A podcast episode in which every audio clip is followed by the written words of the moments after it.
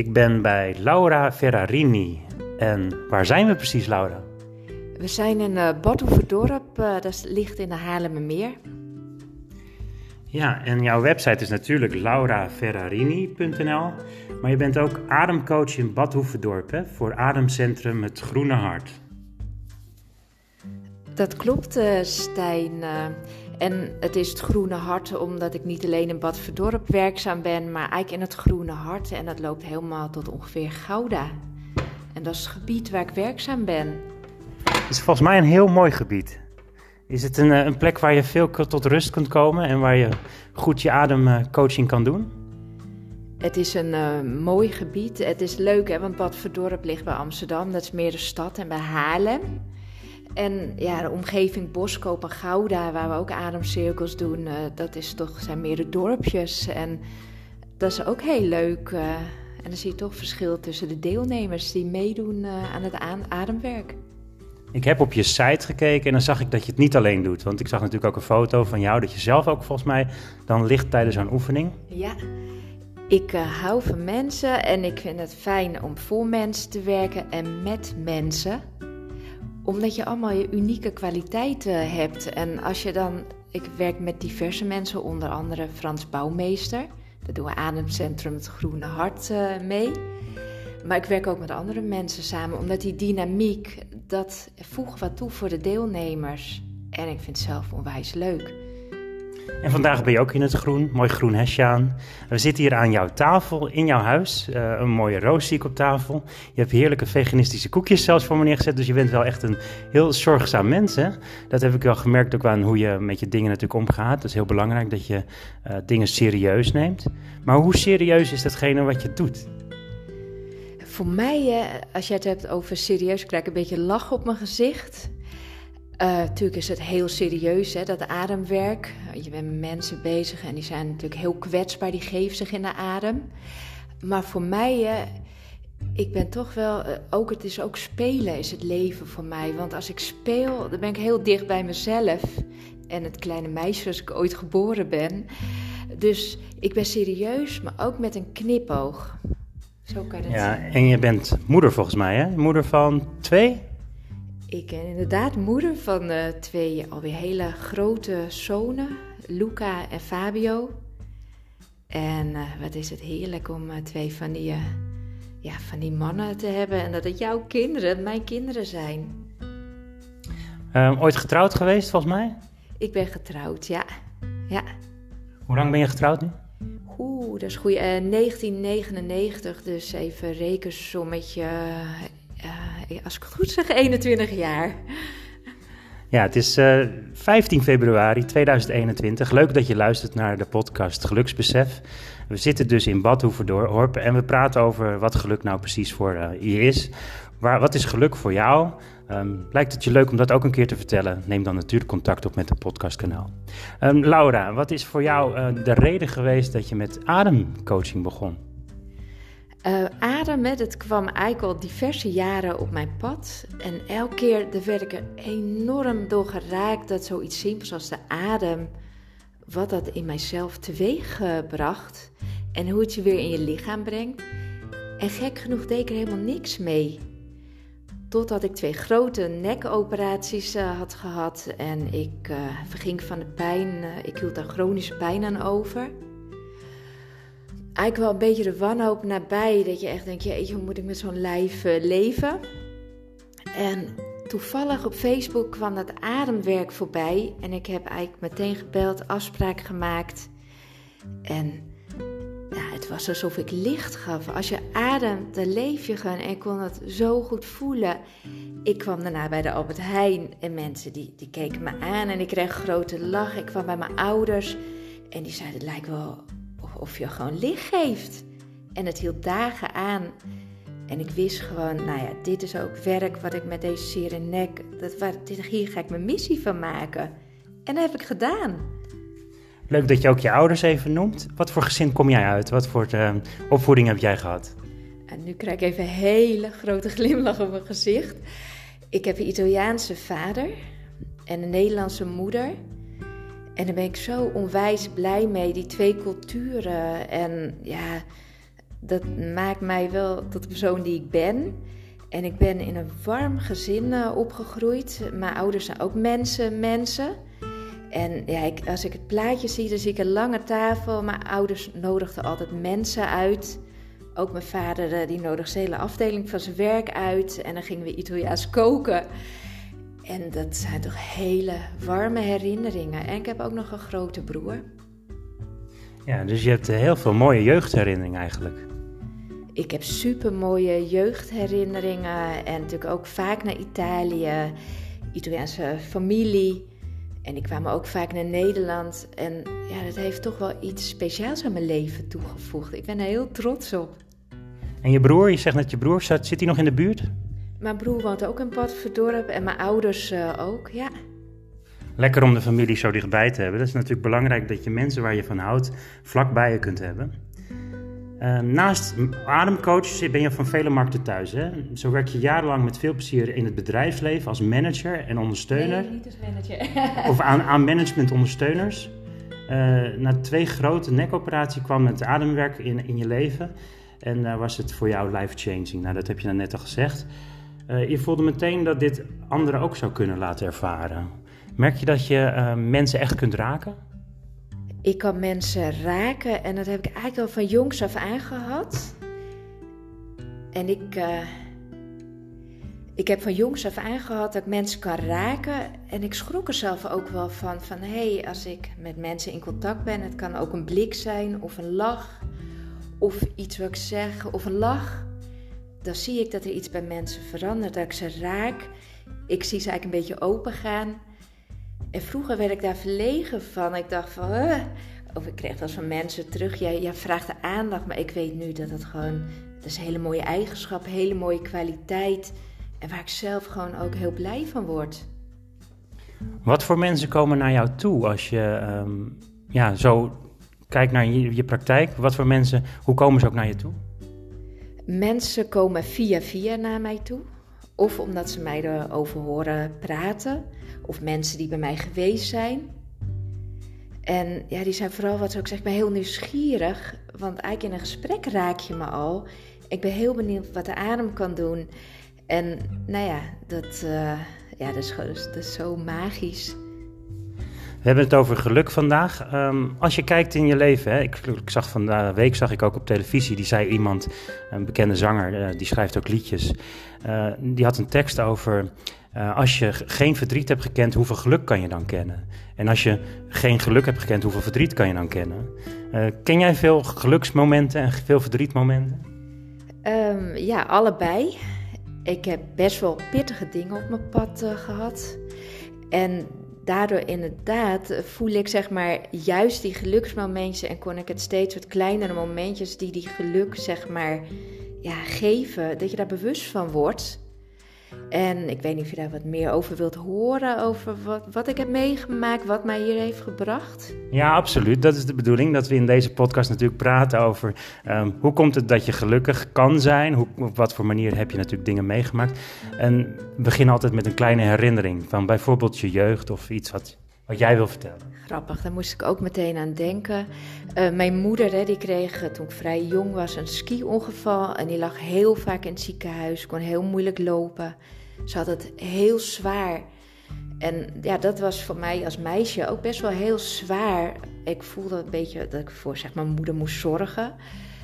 En toch, hè, ik heb er zoveel geluksmomentjes uitgehaald dat, dat, dat mensen bij mij dan naar mijn moeder bijvoorbeeld in het ziekenhuis gingen. Of er kwam allemaal bezoek voor mijn moeder. En dat ik dat toch ook wel weer heel knus vond, bijvoorbeeld. En dat ik zag hoeveel warmte er van mensen dan bijvoorbeeld uitkomt. Dus aan de ene kant was dat zwaar. Mijn moeder kon er dan niet helemaal voor me zijn. Maar er kwam ook zoveel moois weer voor terug. Dus dat is denk ik wel de eerste herinnering aan dat iets zwaars geluk brengt. En jouw broer, voelde die dat ook als zwaar, net zoals jij? Hadden jullie het daar wel eens over? We hadden het er dus nooit over. En eigenlijk een paar jaar geleden, toen we met de hele familie, een hechte familie, waren we in Spanje. En toen zei mijn broer van, maar ik heb dat ook meegemaakt, maar we hebben er eigenlijk nooit over uitgewisseld. We zaten eigenlijk allebei op ons eiland toch ook een beetje overleven. En ja, onze eigen dingen daaruit opgepakt. Dus dat we dat nu pas van elkaar weten, dat dat best wel uh, ook wel eens eenzaam was natuurlijk. En wat herinner je voor de dingen die je dan uh, voelde alsof het moest of dat het moeilijk was? Wat, wat waren die momenten dat je dacht van, oh, dit gaat wel heel moeilijk? En je bedoelt dan in het ziekenhuis, dus met de, toen mijn moeder in het ziekenhuis uh, lag? Ja, wat herinner je dan wat je dan moest doen bijvoorbeeld? Of wat je dan tegenkwam als je van dacht van, oh, hoe moet ik hiermee omgaan? Ik, was, ik ben een heel gevoelige vrouw, toen een heel gevoelig meisje. En ik zag dan hoe mijn vader voor ons zorgde. Tussen middag vanuit zijn werk naar huis kwam, boterhammetjes brengen. Hij moest voor ons koken naar het ziekenhuis. Alles ging door. En dat, vond, dat zag ik wel als klein meisje van ik, ik ga mijn vader helpen. Dus ik ging dan op mijn manier het huis schoonmaken, helpen, dingetjes doen. En dat, ja, dat gaf mij als meisje wel gevoel van ik, ik kan ook wat uh, betekenen. En als mijn moeder uit het ziekenhuis kwam, dan gewoon helpen, helpen lunch maken en zo. Ik was echt een klein meisje hoor. Dat, uh, maar dat gaf wel gevoel ook van ik kan wat doen voor een ander. En was jouw vader dan ook zo van, uh, als je een beetje gestrest was, van adem diep in, adem diep uit, denk even na dat je weer rustig wordt? Mijn vader is iemand die heeft heel veel charisma en ook heel veel krachtige energie. Hij hoefde dat niet eens te zeggen. Zijn rust die hij had en dat hij er echt voor ons was, dat maakte dat wij er vertrouwen in hadden als kinderen. En jouw moeder, want het ging uh, eerst een tijd natuurlijk niet goed. Hoe, hoe gaat het nu? Na heel veel jaren, dit heeft jaren geduurd, uh, heeft mijn moeder is op een gegeven moment zei van, nou, het kwam allemaal die schelen ook niet, maar ik ga weer tennis. Uh, ik was denk ik een jaar of dertien. En het is ze gaan doen, heel veel blessures, maar ze heeft gewoon eigenlijk de regie over haar leven weggepakt met wat ze eigenlijk had. En ja, dat was voor haar heel belangrijk. En daar heb ik ook wel van geleerd. Van soms moet je gewoon gokken dat dingen goed gaan. En doorzetten ook gewoon. En dingen wel gaan doen in plaats van dat je stil gaat zitten natuurlijk. Doorzetten en ook tegen het advies van de arts. Als jij valt, dan kan je nooit meer lopen. En dat je het doet. En nou ja, nu kan ze niet meer tennis om. Maar ze heeft het jaren met plezier gedaan. En dat heeft mij echt geleerd. Denk nooit dat dingen niet kunnen. Ga het gewoon proberen. Hou wel je hoofd erbij. Maar doe. En dan komen er ook hele grote geluksmomentjes. Ook al zijn die soms heel kleine dingetjes. Het zijn voor jou dan herinneringen die uiteindelijk je grootste geluksmomenten zijn. Um, wat zijn voor jou momenten waarvan je denkt van dat kan ik nooit meer vergeten? Wat ik nooit vergeet, en uh, dat is, ik hou superveel van de natuur. Hè? En dan moet ik denken aan een mooie zomervakanties in Italië met mijn gezin. En dan gaan we s'avonds naar het strand. En dan maken we lekker eten klaar. En dan nemen we lekker drankjes uh, mee.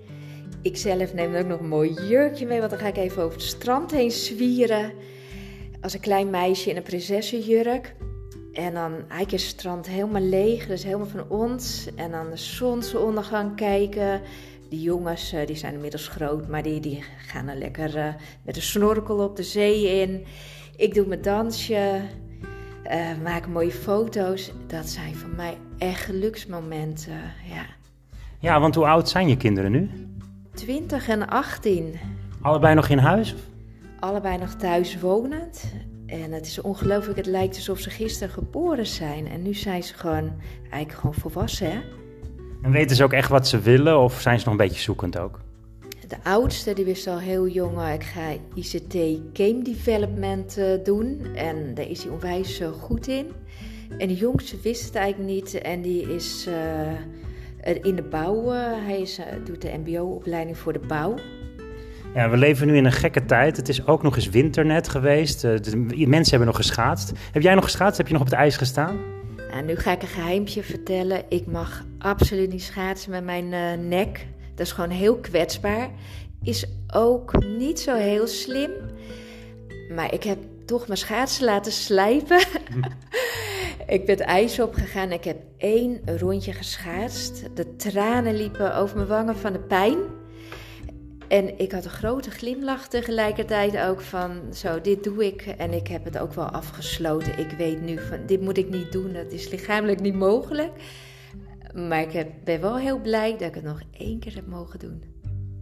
Nou, goed dat je toch nog durft. En net zoals je moeder toch de stap neemt om te gaan, gaan tennissen. Schaatsen is toch iets moois en het gebeurt zo weinig dat het kan.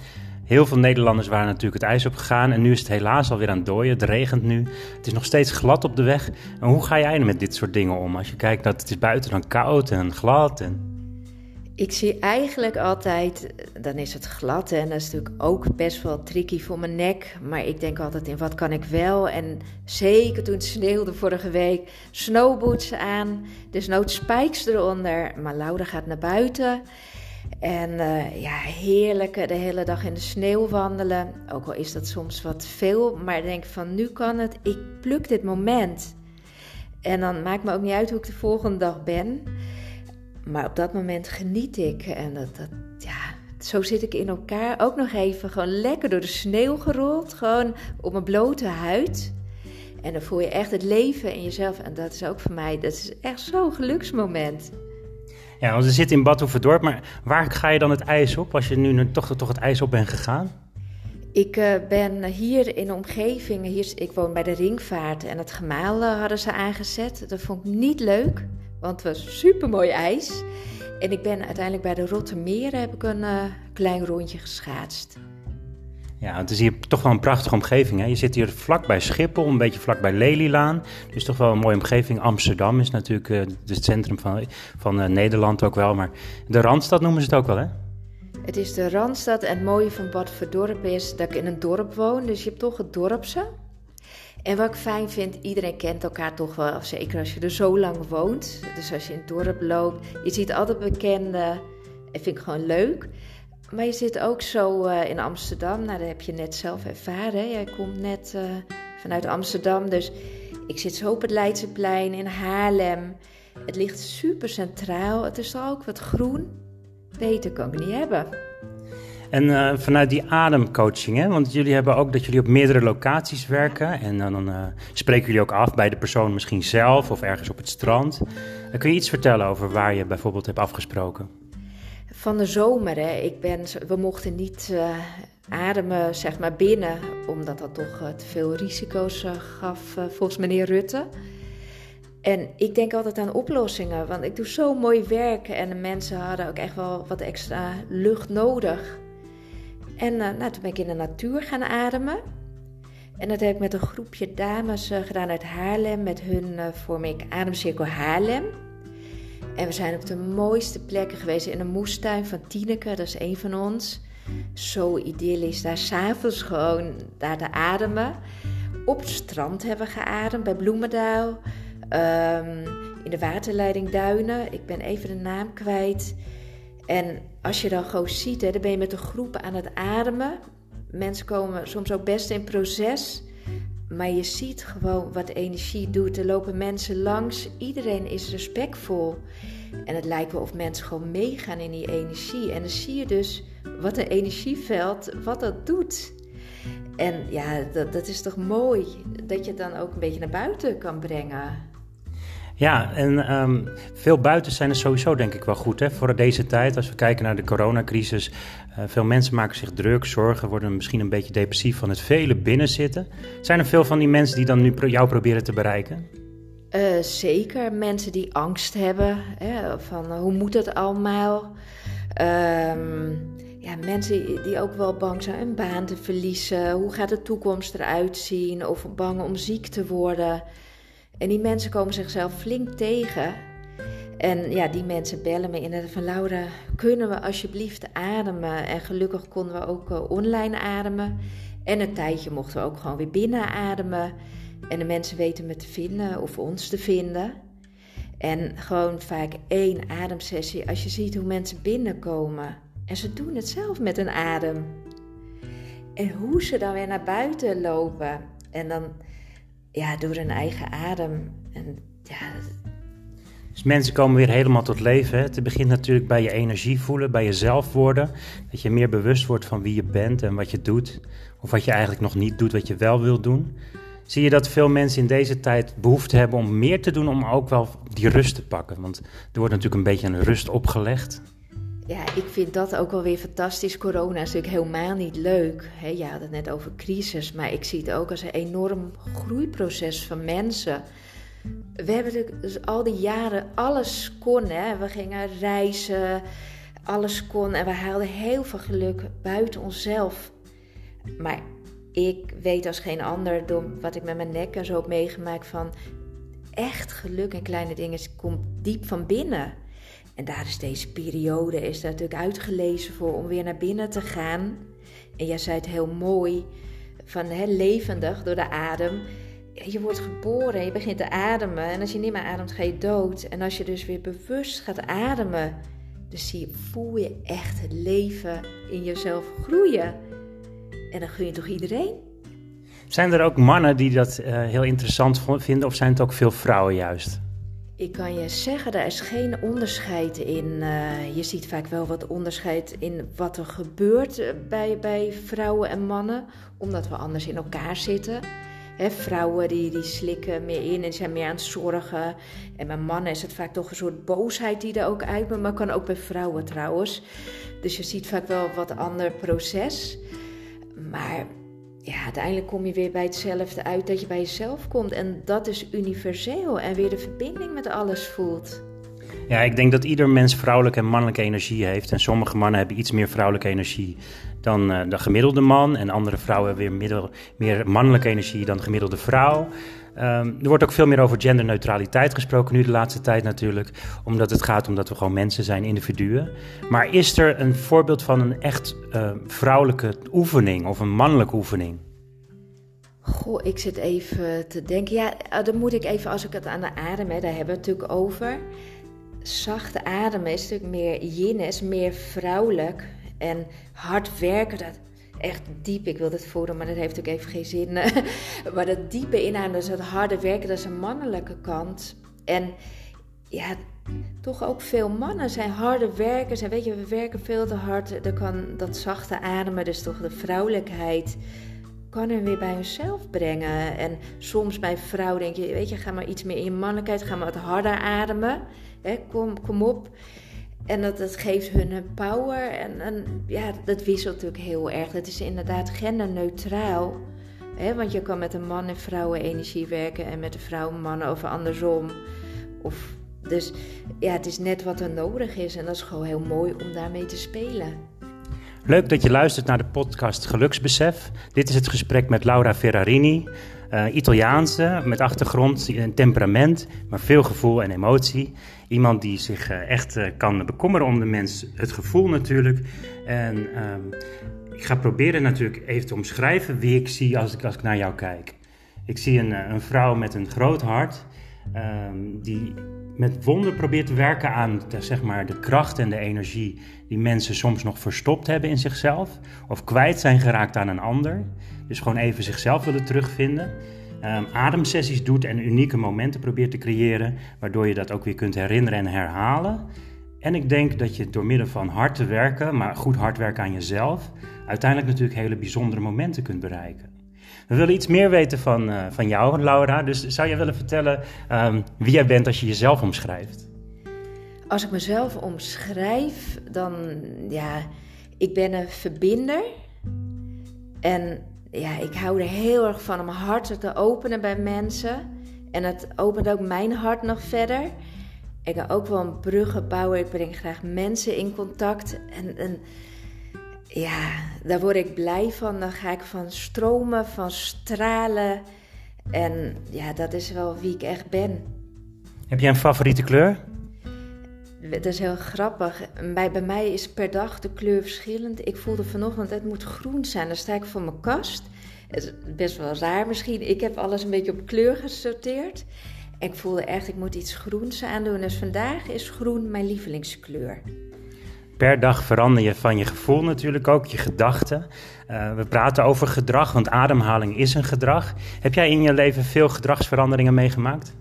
Ja, van iemand die zich heel erg aanpaste. Ik merkte toch altijd wel, mm, toch misschien mijn Italiaanse temperament en het verbinden, dat ik toch wel anders was. En ik merkte wel dat mensen, dus als jong meisje, het een beetje raar vonden. En ik, ik, ja, ik was mezelf best wel kwijt geraakt. En nou ben ik even jouw vraag kwijt. Wat suf. Dan kan je je vraag nog een keer zeggen. nou, het, het, feit dat je um, jezelf zeg maar uh, zoekt en dat je dus zeg maar bezig bent om uh, ja, dingen te overwinnen, maar heb je het gevoel dat je dat uh, meegemaakt hebt, dat je veel strijd hebt moeten hebben of dat soort dingen? Oh ja, ja. Ehm, ja, dus ik, ik, heb toen wel gemerkt, als je zelf kwijtraakt, dan ben je eigenlijk het mooiste van jezelf kwijt. Je authenticiteit, die we allemaal hebben en waar onze kracht zit. En ik denk toen ik eind twintig was, heel langzaam maar zeker, toen ben ik mezelf weer gaan terugvinden en dat weer expressie gaan geven. En ja, dat, dat, dat levert gewoon zoveel op. En natuurlijk krijg je daar reacties op van mensen. Als je gaat veranderen, dan ben je voor hun niet meer wie je bent. Maar uiteindelijk krijgen ze veel meer van jou terug. En Ja, want het is een gedragsverandering hè, wat je dan doorgaat. Het is een moment waarvan je beseft van... hé, hey, dit doe ik of dit doe ik niet. Precies. En dat is laagje voor laagje gegaan. En ik geloof hè, dat ik nu wel redelijk dicht bij mezelf ben. Mezelf ook niet meer verlogen. En ik merk dat mensen daar heel positief op reageren. Want ze zien niet meer een Laura met allerlei laagjes, maskers. Ze zien wie je echt bent. En ik merk dan ook, ook al ben je anders, mensen vinden het dan juist heel leuk. En wat voor verandering ben je doorgegaan waarvan je dan op een gegeven moment hoorde uh, door je vrienden of je familie die zeiden van, nou dat ben je wel veranderd hoor? Ik ben wel iemand, ik geef expressie aan mezelf en dat heb ik heel lang teruggehouden. Als ik bijvoorbeeld, ik moet lachen, bijvoorbeeld in Alkmaar heb je zo'n draaiorgel, dat hoor ik, het maakt niet uit hoeveel mensen op staat, dan ga, ik, dan ga ik dansen. Daar word ik blij van. Ik heb dat heel lang teruggehouden. Of als ik hard, ik lach altijd wel redelijk hard ik, ik mag dat nu gewoon van mezelf. Als ik wil dansen, waar ik ook ben, dan ga ik dansen. Als ik hard wil lachen, lach ik. Wil ik hard zingen terwijl het vals is, dan zing ik hard. En in het begin reageerden mensen wel, goh, wat doe je nou? Mensen kijken. En nu kan ik dan beamen, ja, ik zie dat mensen kijken. Maar kijk eens naar hun gezicht, als er, wat er gebeurt bij hun als ik mijzelf ben. Ja, meer jezelf zijn is echt uh, natuurlijk de ding die heel veel mensen mee zitten, waar ze naar zoeken. Uh, het is soms lastig om te vinden wie je werkelijk bent en wat je zelf wil zijn. Ja, uh, dat gaat ook niet in één keer. Het is een illusie. Als, hè, we zijn toch allemaal geconditioneerd door onze opvoeding hè, en wat allemaal van ons verwacht wordt. En jezelf terugvinden is gewoon een proces. En ja, als je gewoon weer jezelf kan zijn, dat is het grootste geluk, het grootste goed wat je weer kan bereiken, toch? Het kind in jezelf en je hart volgen. Um, de basis is natuurlijk dat je bewust daarin wordt en op een gegeven moment ga je die stap zetten. Maar die stap die komt niet zomaar. Ik uh, moest uh, best wel, zeg maar, met, vooral mijn gezondheid. Ik kreeg eerst een melanoom, dat is best wel uh, heftig. En toen dacht ik, ik ga veranderen. Ik voelde ook wel, ik heb me te veel aangepast. Dat kost heel veel energie ook in mijn gezin, alles dragen. En ik besefte, dat hoef ik helemaal niet. Dat is iets wat ik mezelf heb toegeëigend, wat meisjes ook heel erg doen. Dus ik ben gaan loslaten. Ik merkte op mijn werk dat ik, toen werkte ik nog op kantoor, dat ik op mijn werk iemand anders was dan thuis. En dat kostte energie. En toen dacht ik, ik ga op mijn werk, ga ik mezelf zijn. Helemaal mezelf. En natuurlijk krijg je er wel reacties op, maar eigenlijk over het algemeen wel positief. En het stimuleert je van, oké, weet je, je ziet ook dat anderen dan meer zelf durven te zijn. Het gaat als een olievlek. Wil je iets vertellen over het werk wat je gedaan hebt vanaf het begin dat je als eerste keer ging werken ergens? En wat je dan op een gegeven moment ging worden en wat, je, wat het daarna werd? Ja, ik begin even helemaal terug in de tijd. Ik zat als klein meisje, mijn beide ouders die werkten voor Sony, heette toen nog Brandstede Electronics. En die werkten vaak ook in de vakanties. En dan ging ik mee naar kantoor. Ik was vijf of zes. En dan zag die typemachine en ik dacht altijd, ik voor secretaresse. En dat, dat beeld had ik, dus dat ben ik ook gaan doen.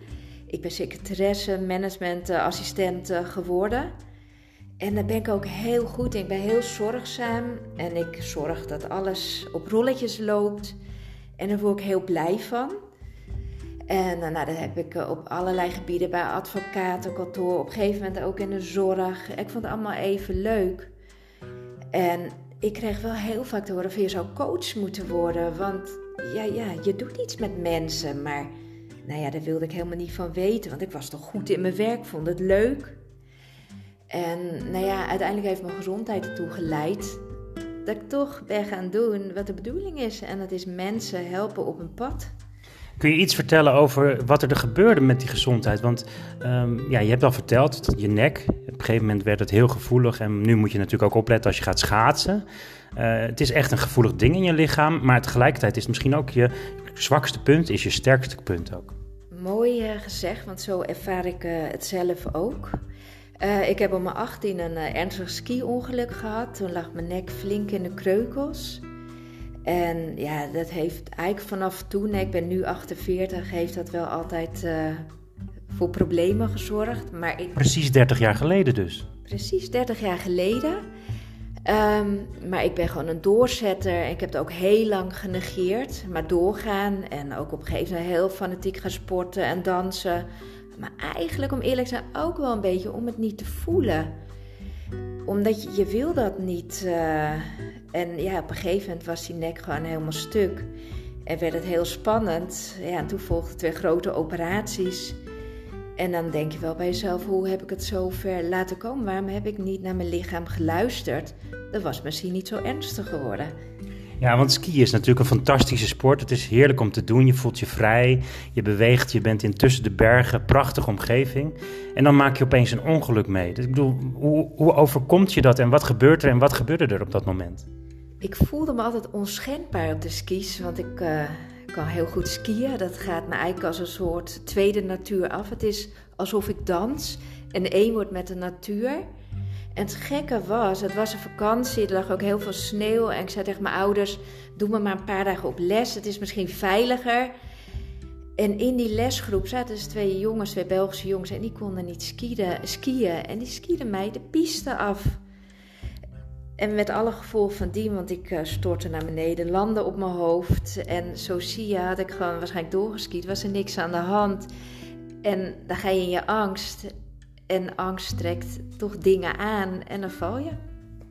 En het feit dat je natuurlijk rekening houdt met uh, skiers die niet zo goed houdt, dan probeer je achter ze te skiën of voor ze te skiën. Maar toch gebeurt er heel veel hè, op zo'n skipiste er gebeurt heel veel en achteraf denk ik, ik geloof dat alles in het leven wat gebeurt een bedoeling heeft. Want die nekken, ik ben natuurlijk, ik zit vol temperament als Italiaanse. En het fluit me gewoon elke keer terug. Het brengt me ook dicht bij mezelf. Dus het heeft me uiteindelijk ook geholpen om mezelf weer terug te vinden. En die bergen waar dat was, was dat in Italië? Uh, wij skiën altijd in Italië, maar dit was toevallig in Oostenrijk. Uh, ben je daar nog wel eens teruggegaan? Want je bent nu 30 jaar verder, maar heb je dat punt waar je dan gevallen bent, of dat punt van die berg nog eens teruggezien? Uh, ben ik daar nog terug geweest? Nee, nee. Denk je dat dat nog kan helpen om je daar toch weer een soort van stressemotie even uit te halen uit je lichaam? Of denk je het is al helemaal weg? Mm, voor mij is dat uh, niet uh, nodig. En je kan natuurlijk iets herbeleven. Je kan je ogen dicht doen en iets herbeleven. En dan ben je daar eigenlijk ook. Hè? Dat, uh, maar ik voel eigenlijk niet dat dat. Uh, er zit geen geestelijk trauma meer op. Hoe zit het nu met je lichaam? Je, je zegt, mijn nek moet ik sowieso opletten natuurlijk. Uh, mijn nek, uh, er zitten twee blokken in, dus die is grotendeels vastgezet. En dat van iemand die alles kon. Hè. Ik danste, ik sportte elke dag, werd ik echt teruggefloten. En mocht ik een aantal jaar dus eigenlijk helemaal niks. Dat moest vastgroeien vond ik onwijs moeilijk om niet te kunnen doen wat ik wil. En het is het grootste cadeau, want in die stilte, ja, er gebeuren zoveel mooie dingen. En dan leer ik ook echt weer wat klein geluk is. En ja, ik, ik mag gewoon elke dag naar mijn lichaam luisteren en van daaruit leven. En dan is het eigenlijk ook geen belemmering. Ja, ik zei het net al, als je geen verdriet hebt gekend, heb je ook eigenlijk weinig kans op veel geluk. Eh, ik denk dat dit natuurlijk best wel veel pijn en verdriet heeft gebracht. Ik heb best wel eens een traantje gelaten. En op een gegeven moment, toen die pijn na die tweede operatie echt chronisch was, dat je bijna denkt dat je de pijn bent, dat je niet meer ziet dat er meer is.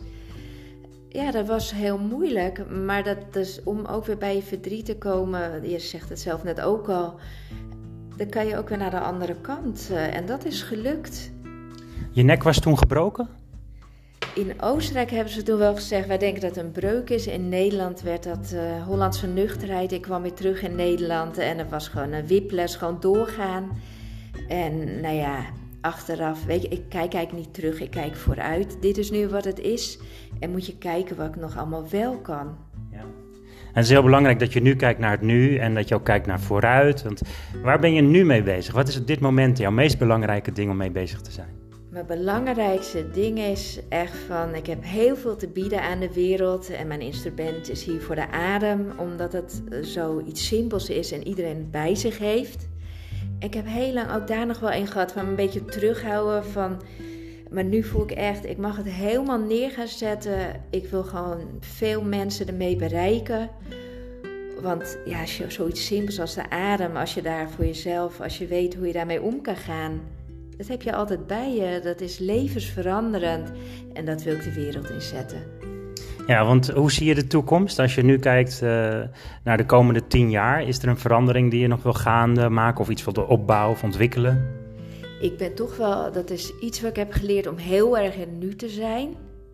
En ik ben nu, zeg maar, sinds vorig jaar maart echt actief bezig om mijn eigen bedrijf en uh, het Ademcentrum Groene Hart samen met Frans. Om dat echt een plek in de wereld te geven. En wat mij betreft kan het niet gek genoeg. Maar één ding is belangrijk: dat ik voel, weet je, dat ik niet over mijn grens van mijn lijf heen ga. Want eerst voor jezelf zorgen en dan pas voor de rest van de wereld. Ja, want Frans, dat is dan jouw collega waar je dan mee samenwerkt. Hoe heb je hem ontmoet en wat voor type mens is hij?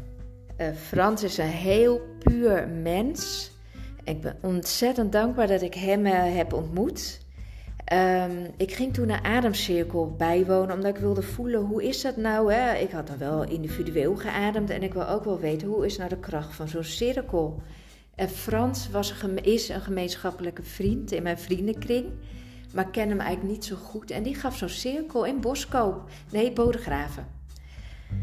Ik ging daar dus eh, in die cirkel liggen. En het, wat Frans eh, heel uniek maakt, die speelt allerlei instrumenten. En die, die begeleidt de ademcirkel ook met muziek, live muziek. En het was gewoon één groot feest, die ademcirkel. En prachtige muziek en gewoon heel fijn ademen. En nou ja, daarna wilde ik hem bedanken naar de ademcirkel. En ik voelde echt gewoon van, ik heb een lijntje met Frans. En hij is, hij is een zielenmaatje van hem. Toen hadden we al heel snel iets van, nou ja, onze krachten bundelen. Dat is gewoon heel mooi. En de mannelijke energie, de vrouwelijke energie. Ja, want dan kom je toch op de vrouwelijke en de mannelijke energie natuurlijk naar wat jij voelt, wat hij voelt en hoe dat misschien verschillend kan zijn. En je gaat natuurlijk nog meer naar je lichaam luisteren, omdat je dat dan ook wil inbrengen, denk ik, als vrouw binnen het perspectief van samenwerken. Jazeker, en juist, we zijn echt 200% verschillend. En als je elkaar daarin kan vinden, elkaar ook respecteert, en jij doet het anders dan ik, en dat kan naast elkaar, ja, want wat doe jij eigenlijk anders dan hij? Want merk je echt dat je echt een hele andere manier hebt? Ik ben meer, Frans ook een zachte man hoor, maar hij is toch, een man heeft altijd mannelijke energie, dat is toch anders. En ik ben erg meer van die, die zachtheid. En ik ben ook wel heel goed met de ademsessies, kan ik heel goed zien waar mensen zitten en dat met woorden mensen bekrachtigen. Wat Frans eigenlijk met de muziek uh, doet. En die heeft net wat meer power en dat is soms echt nodig hè, voor mensen om ergens doorheen te ademen wat spannend is. En toen kan ik dat ook, maar ik doe dat vanuit vrouwelijke energie en hij vanuit de mannelijke energie. En dat is heel fijn dat je eigenlijk iedereen dan wat kan bieden, want iedereen heeft wat anders nodig ook. En ademhalen, dat is natuurlijk iets wat iedereen elke dag doet en soms ook gewoon helemaal niet bij nadenkt. Hoeveel invloed heeft dit eigenlijk op je geluk? Nou, ik kan alleen eigenlijk natuurlijk over mezelf praten en alle mensen die ik ben tegengekomen in het ademwerk. En ja, je, zegt, je, denkt, je denkt, de meeste mensen zijn gewoon totaal onbewust op de adem. Of mensen met astma zijn natuurlijk wel heel bewust. Maar door bewust met die adem aan de slag te gaan en jezelf weer te openen, als je adem weer kan stromen. Door al je blokkades heen, of dat nou fysiek is, mentaal, emotioneel. Nou, dan kan je denk ik wel voorstellen wat er dan gebeurt. Geloof jij zelf dat je dan door middel van dat soort technieken um, ook elke ziekte zodanig weg kan krijgen? Dat dacht ik in het begin, dat hoopte ik misschien ook wel voor mezelf. Hè. Ik dacht, ik kan mijn nek 100% helen. Maar ik geloof dat dat niet is waar de adem over gaat. De adem gaat, kan jij helemaal ademen, je volledig ademen. En dan, dan kan je zijn met wat er is. Dan is alles ook goed. De ziektes hoeven ook niet weg. En natuurlijk kan het positieve invloed hebben op lichamelijke, emotionele klachten. Maar het gaat er uiteindelijk om, kan jij met alles zijn, weet je, kan je contacten mee maken. En dan zullen ziektes ook vaak wel anders, hangt natuurlijk wel vanaf wat je hebt, maar dan kan je het anders ervaren. Ja, want ziektes zijn in verschillende vormen. Sommige mensen zijn heel angstig en dat is een ziektebeeld, maar dat blijft natuurlijk heel lang. En anderen hebben gewoon heel veel pijn. Waar heeft adem het meeste invloed op? Op die angst of op die pijn? Het is precies waar mensen zitten, of het nou boosheid is, angst of pijn. Hè. We hebben allemaal onze eigen dingen. Soms zijn het ook laagjes. Hè. Zitten onder de pijn angst of andersom. Het is net wat erboven ligt. En dat, ja, als, dat, als je daar naartoe durft te ademen, het is eigenlijk ook heel simpel. En wij helpen de mensen daarbij. Zat er bij jou onder de pijn angst of was het onder de angst pijn? Ook even terug. Um, toch ja, alles heeft uiteindelijk met elkaar te maken. En bij mij was het ook wel angst. Wat bij mij heel erg zeg maar, naar boven kwam met ademen, was de angst om helemaal mij, met mezelf te zijn, om helemaal te stralen. Om dat echt te laten zien aan de wereld wat voor blij mens ik ben. Het lijkt vanzelfsprekend, maar dat was het voor mij niet. Ja, want uh, mensen denken vaak van hoe kom ik van mijn angst af? Of hoe kom ik van mijn pijn af? Weet je, de mensen wil ergens van af. En het ademen, dat zeggen wij ook specifiek. Je hoeft nergens van af, niks hoeft losgelaten. Je hoeft maar één ding te doen. Want alles wat er niet mag zijn, dat gaat zich meer laten zien. Wij hopen gewoon dat jij er contact mee kan maken. En dat doe je door de adem. En die adem, je gaat ademen en dan voel je ook, wow, hier zit spanning of een blokkade of pijn of verdriet. Het enige wat je hoeft te doen, durf je daar naartoe te ademen en dan zou je ook zien, als die adem daar komt, dan wordt het weer zacht. En jij, want je hebt natuurlijk dan klachten aan je nek gehad die zo pijnlijk waren. Kon je het dan wegademen of kon je het dan er naartoe ademen, zoals je zegt? Ik kon er zeker naartoe ademen, zelfs er doorheen ademen. Maar ik kwam erachter, oké, het gaat niet weg. Maar ik kan er gewoon mee zijn. Het kan er zijn, maar het hoeft niet mijn leven te overheersen. En toch hoop je dan natuurlijk dat pijn minder wordt. Dus ervaar je dat dan ook, dat pijn langzamerhand wel minder wordt? Ik ben gewoon eerlijk, want ik wil geen vals beeld geven. Mijn pijn hè, is niet minder geworden, maar wel eh, de ervaring van de pijn. Dat ik een heel fijne dag kan hebben. Ik heb gewoon wel pijndagen. Als ik zo'n dag toch stiekem even heb geschaatst tegen beter weten in, dan heb ik veel pijn. Maar dan kan ik gelukkig zijn omdat de pijn gewoon een plekje kan hebben. Oh, ik heb pijn. Ik kan er gewoon mee zijn. De pijn kan er zijn. Ik pas mijn tempo aan. En dan kan ik gewoon een fijne dag hebben. Um, ik stel ook altijd die vier vragen. Wat is je grootste wens? Wat is je grootste angst? Uh, die grootste angst, is dat pijn of is dat iets anders? Ik merk gewoon dat die angsten er eigenlijk niet meer zo zijn. Omdat ik heel erg in nu ben gaan leven. En ik heb ook ontdekt, weet je, alles wat komt, er komt altijd goed. Of er is een oplossing, of ik kan er mee zijn. Dus als je nou zegt, waar ben je echt bang voor? Dan kan ik niet eens wat opnoemen. Dat betekent dat je de angst volledig onder controle hebt gekregen en beseft dat het niet een functioneel iets is en dat je het los kan laten. Angsten heb ik door het, echt door het ademen ontdekt dat het iets is wat we met het hoofd eh, doen. Dat het gedachten zijn die de angst geven. En door het ademen kom je heel erg in je lijf. Ik denk dat ik daardoor toch, hè, de angsten die ik dan nog had, dat ik die los kon laten. Had je vroeger dan veel angst als kind? Dat je merkte van uh, spinnen of weet ik veel wat?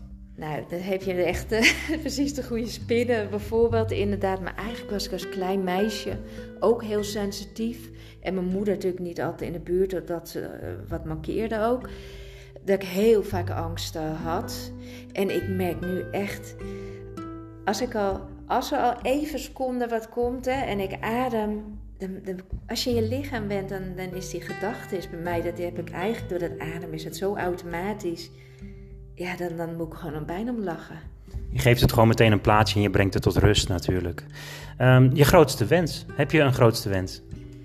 Ik ben al zo gelukkig een mens dat ik eigenlijk, ik, ik heb helemaal geen wensen. Ik wens eigenlijk dat ik zo door kan gaan als wat ik nu doe. En dan ben ik meer dan gelukkig. Ja. En waar geniet je dan het meest van? Want als je nu naar je leven kijkt zoals het is, je hebt een uh, leuk gezin, kinderen, um, ja, je doet leuk werk. Waar geniet je zo het meest van? Waar geniet ik het meest van? Ik durf bijna niet te zeggen. Ik geniet bijna van alles. Als ik ochtends hè, een ochtendwandeling maak en ik zie iemand lopen en ik geef mijn lach. Ik krijg automatisch een lach op me zeggen en ik zie die ander ook ontdooien. Dat is al geluk. Maar Dus eigenlijk alle kleine dingen maken me gelukkig. Het is ook niet meer dit meer dan dat. Het zit bij mij echt, echt in de ragfijne dingetjes.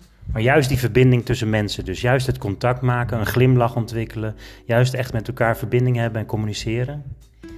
Dat is het hoogste goed voor mij en ik denk dat dat is waarom ik ook echt op aarde ben. Ja. Uh, dan is de vraag, wat vind je wat er fout gaat in de wereld? Of waar jij van denkt van, nou, dat kan wel beter. Dat, misschien kan ik dat nog wel beter maken. Um, ik geloof niet zo in fout. Ik geloof wat mogen we leren. Hè? Dat, uh, en ja, wat, wat ik zie, wat we met z'n allen mogen, dat we oh, mogen leren, is dat we accepteren dat een ander anders is en dat de ander uniek is. En dat we naar elkaar mogen kijken, mogen aan een ander vragen: waarom doe jij dat? Als je denkt, hè? En als we dat dus gaan doen, hè, dat is een heel groot leerproces. Dan kunnen we van elkaar leren en dan kunnen we, denk ik, een nog mooiere samenleving maken. Ja, op de site staat het ook bij je. Je leert dan herkennen, dan het erkennen en dan het accepteren. Dat is echt een proces, hè? dat is een periode van waar je doorheen gaat. Ja, en daar gaat het met z'n allen om. Dat is nu ook de coronatijd. Hè? Het, uh, we herkennen iedereen voor zichzelf. Hè? ja, daar komen, je komt gewoon dingen, we komen allemaal dingen tegen in deze tijd. Voor iedereen anders.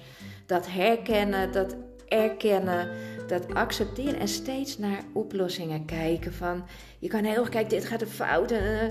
Maar wat is jouw kleine bijdrage hoe je dingen anders kan doen? En als we dat allemaal doen, dan kunnen we een betere wereld maken.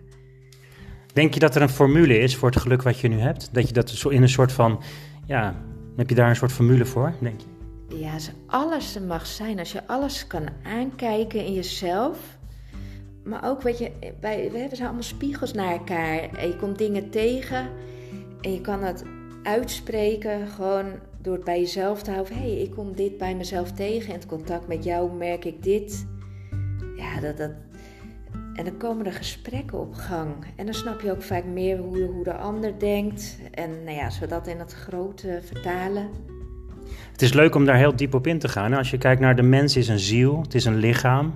Het heeft uh, ja, allemaal impulsen en het krijgt allemaal uh, reacties. Um, hoe omschrijf jij dat? Hoe, zit de wereld in elkaar? We zijn natuurlijk allemaal reactief geworden, omdat we toch dat, zien we in de adem heel erg. Dat in de eerste zeven jaar van ons leven, hè, hebben we allemaal gedragspatronen meegekregen. Zijn we onszelf kwijtgeraakt. Uh, en ja, dat zie je eigenlijk als je volwassen bent, al die dingen waar je zo op reageert. En je gaat eigenlijk heel diep naar binnen, en dat zien we dan bij de ademprocessen ook. Gaat het eigenlijk altijd om die eerste zeven jaar. Er zijn dingen gebeurd. En nu gebeurt er iets en dan, kom je dat weer tegen en dan reageer je op. En als je dat kan helen, of door de adem of hoe dan ook, er zijn uh, tig dingen, miljoenen dingen hoe je het kan doen. De hoeven minder reactief te zijn. Ja, ik las in het boek van uh, de vorige dame die ik sprak. Uh, dat is het boek Zweven zonder te, te, vliegen zonder te zweven. En uh, daar stond ook in dat je echt stadiums doorgaat. Hè? Dus als, als peuter, als kleuter. En dat het heel veel effect heeft op hoeveel aandacht je daardoor krijgt. Aandacht en ook trauma's die we daarin oplopen. En waar we vaak helemaal niet bewust van zijn. Hè? En dat, dat, onderzoeken, we hebben daar heel traject in, in de adem, met allemaal stappen. En dan ga je dat herkennen bij jezelf en daar komt dat erkennen ook vandaan. En dan, dan kan het veranderen.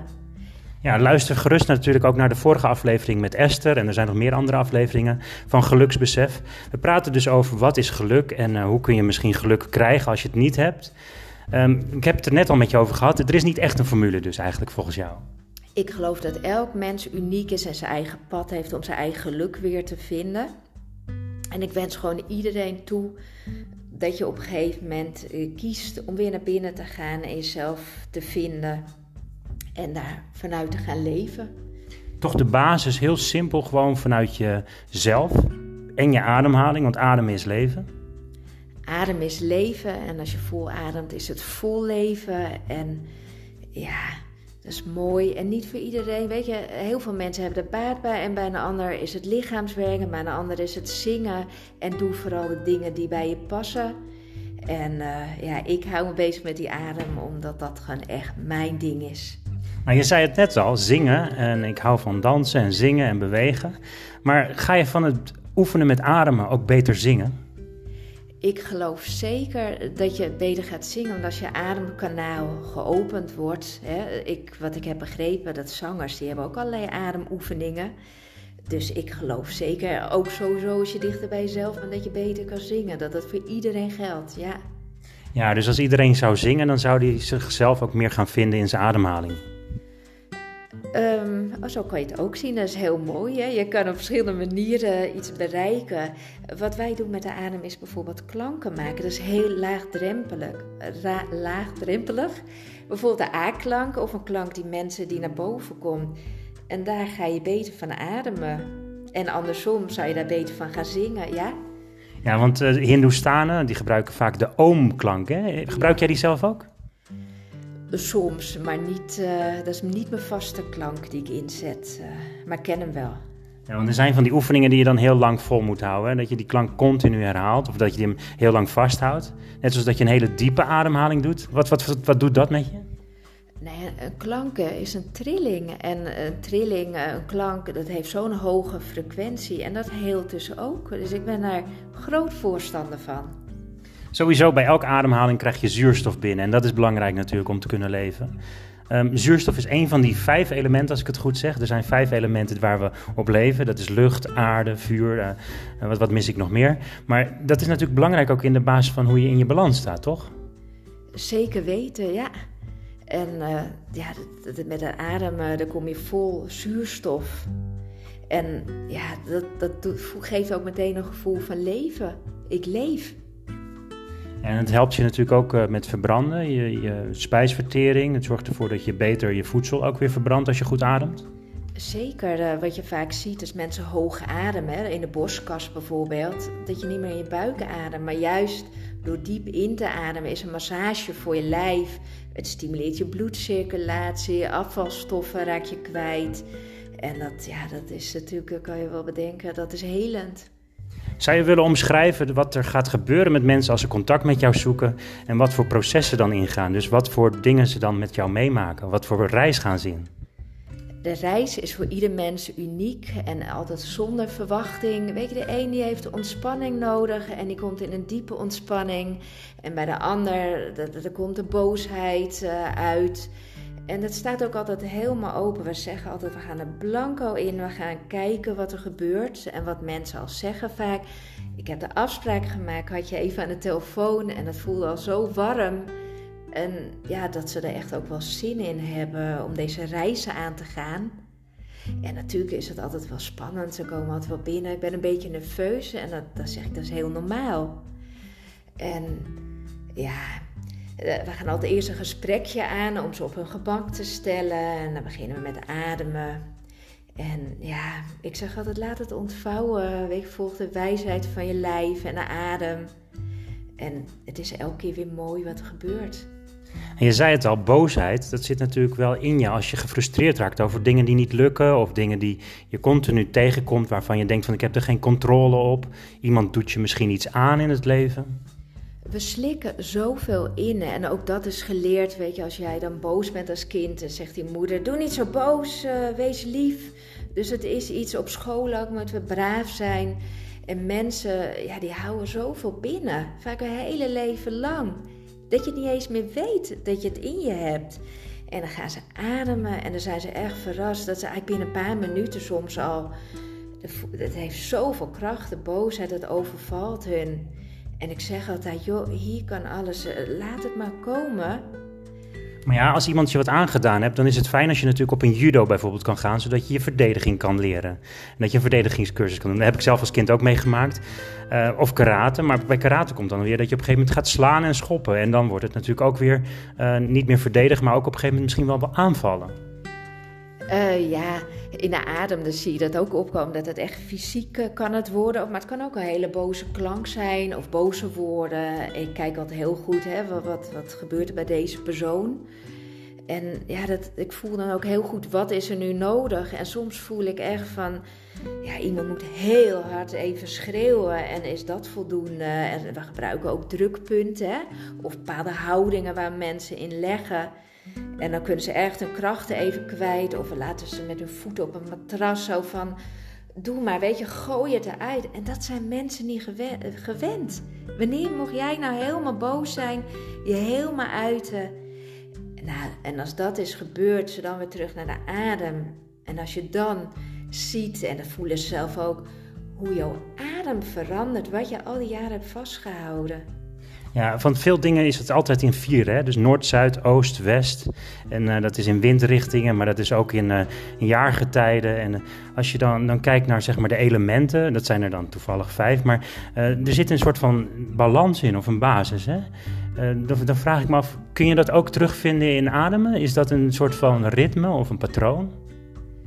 Oeh, die kan ik niet helemaal pakken. Ik moet zelf meer aan de seizoenen denken. Aan de herfst, zomer, lente, winter dat je daar wel heel erg het proces ook in ziet. Dat het universeel wel is. Hè, de blaadjes van een boom in de herfst. En, en in de lente, dan, dan gaat alles weer groeien, ontpoppen. En je gaat anders ademen omdat het koud wordt of omdat het juist weer lekker zomer wordt? Precies, dus, dus ik kan het zelf meer aan de seizoenen ook wel relateren. Neem ik vaak ook wel even mee eh, in het thema. Wat is jouw seizoen en wat is voor jouw favoriete dat is natuurlijk de lente, dat alles weer ontpopt. Ik ben ook in lente geboren, maar de lente, daar voel ik echt die energie door me heen gaan. En dat wil ik echt manifesteren, ja. Dan heb je nog uh, fight, flight, freeze of echt gewoon ermee mee gaan werken natuurlijk. Dus het vluchten, het bevriezen. Um, zie je dat in ademhalen ook, in patronen? Ja, je ziet echt uh, hoe iemand ademt. Dan zie je ook wel hoe iemand leeft. En de kunst is natuurlijk van de goede coach. En dat weet ik met Frans altijd heel mooi. Eh, weten we dat dus, of we overleggen even. En om daarop in te spelen als iemand helemaal blokkeert. Hè, dat is diegene ook gewend. Als spannend wordt. Dat is echt in je vries gaan, hè? echt helemaal bevriezen. Om dan die veiligheid te creëren dat iemand zegt: Ik ben bij je. Hoe vaak hebben we het alleen moeten doen? En dan gaat diegene en het vertrouwen dan van, oh, er was iemand bij me en ik kan dit aan, ik hoef niet te bevriezen. En dan zeg ik, geef mij ook een beetje adem. Ja, en dan komen ze erbij en daarna dan zien ze van, wow, dat is, ja. Wat is lastiger, om met iemand te werken die altijd naar zijn fight gaat of naar zijn flight? Of juist een bevriezend? Of is, is het allemaal even moeilijk, maar ook tegelijkertijd even leuk en uitdagend? Ik zie het eigenlijk niet. Ik zie het als een uitdaging en ook helemaal goed zoals het is. En niemand moet iets, hè, want we respecteren zo de mens die zo dapper is, die dit al aangaat. En die bepaalt ook het tempo natuurlijk van, ga ik daar naartoe of doe ik het de volgende keer? En het nee, maakt mij niet uit. Alles is goed en alles, ja, het komt, meestal komt het wel in beweging. En dat is natuurlijk hartstikke mooi, maar er zit voor mij geen onderscheid in, nee. Nou, we zitten bijna op het eind van het uur. Heb je nog een tip, zo'n uh, advies waarvan je denkt van nou, dat wil ik gewoon aan de hele wereld meegeven en dat is ook een soort van wens die je dan uitspreekt? Ja, ik wil zeggen van word je allemaal wat meer bewust van je ademhaling en hoe doe je dat? Je hoeft echt niet meteen een ademsessie te doen, maar neem een paar momentjes op de dag, doe even je ogen dicht, voel alleen maar hoe adem ik. Meer niet. Als je dat al doet en je wordt bewust, ik geloof dat er dan al heel veel verandert. Uh, en dan wens ik iedereen toe. Dankjewel voor dit leuke gesprek. Geluksbesef. Vind je het nou leuk om dit soort gesprekken nog vaker te horen of zelfs een keer mee te doen? Uh, druk dan op de like-knop en uh, ga gewoon volgen. Als je de podcast volgt, dan krijg je natuurlijk een melding en dan krijg je de volgende aflevering ook automatisch als bericht. En dan kun je die weer luisteren. En ik hoop dat ik jou ook eventueel een keertje mag interviewen, want het is heel belangrijk om je geluk te laten weten aan de mensen. En ook hoe moeilijk het is soms en dat je daarvan kan leren. Ik wens jullie heel veel geluk en heel veel succes.